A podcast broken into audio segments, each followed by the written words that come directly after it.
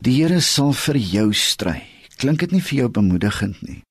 Eksodus 14 is 'n bewys dat hy hom ook aan jou as die groot wonderwerker wil bekendstel. Vir Israel was die uittog uit Egipte spanningsvol. Hulle moes by Pihahirot gaan kamp opslaan. Ja, dit klink na 'n vreeslike woord, né? 'n Plek tussen woestyn en see, plek wat verdwaald lyk. Nou die idee dat God Farao nogal gaan hardkoppig maak, hierdie gedagte het nie eers by Israel opgekom nie. Nog minder die feit dat Farao 600 oorlogwaans sou stuur om met Israel af te reken. Nou God beplan al die goed sodat Farao en sy hele leermag hom as opperwese sal erken en weet dat hy die groot ek is is.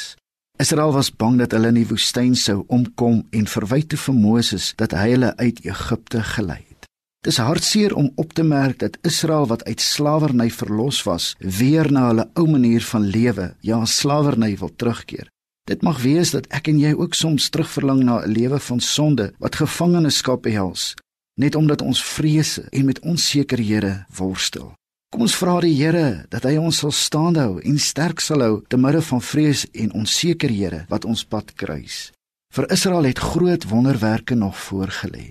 Heel waarskynlik lê daar vir jou ook nog heelwat wonderwerke voor. Israel sou spoedig deur die groot Rietsee trek. Moses moes sy staf neem en dit oor die waters hou. Dit het die waters van die see laat oopgaan.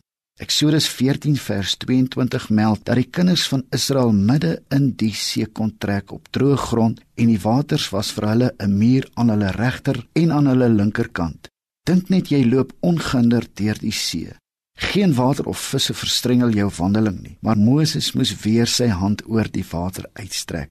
Hierdie keer het die water terugbeweeg. Vers 25 noem dat die Here die wiele van die Egiptenaars se strydwaans laat insak en dat hulle met moeite moes voortploeter.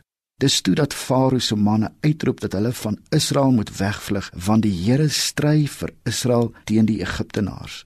God wil hê dat ons meermale moet stil raak voor sy aangesig. Hy wil hê ons moet hom groot maak. Hy verdien dit om geloof te word. Hy kan ook vandag steeds haar koppige, ja, onsekere omstandighede gebruik om sy grootheid in jou lewe bekend te maak. Kom ons vertrou dat die God van gister ook vandag vir ons uitkom sal bied en vir ons sal stry.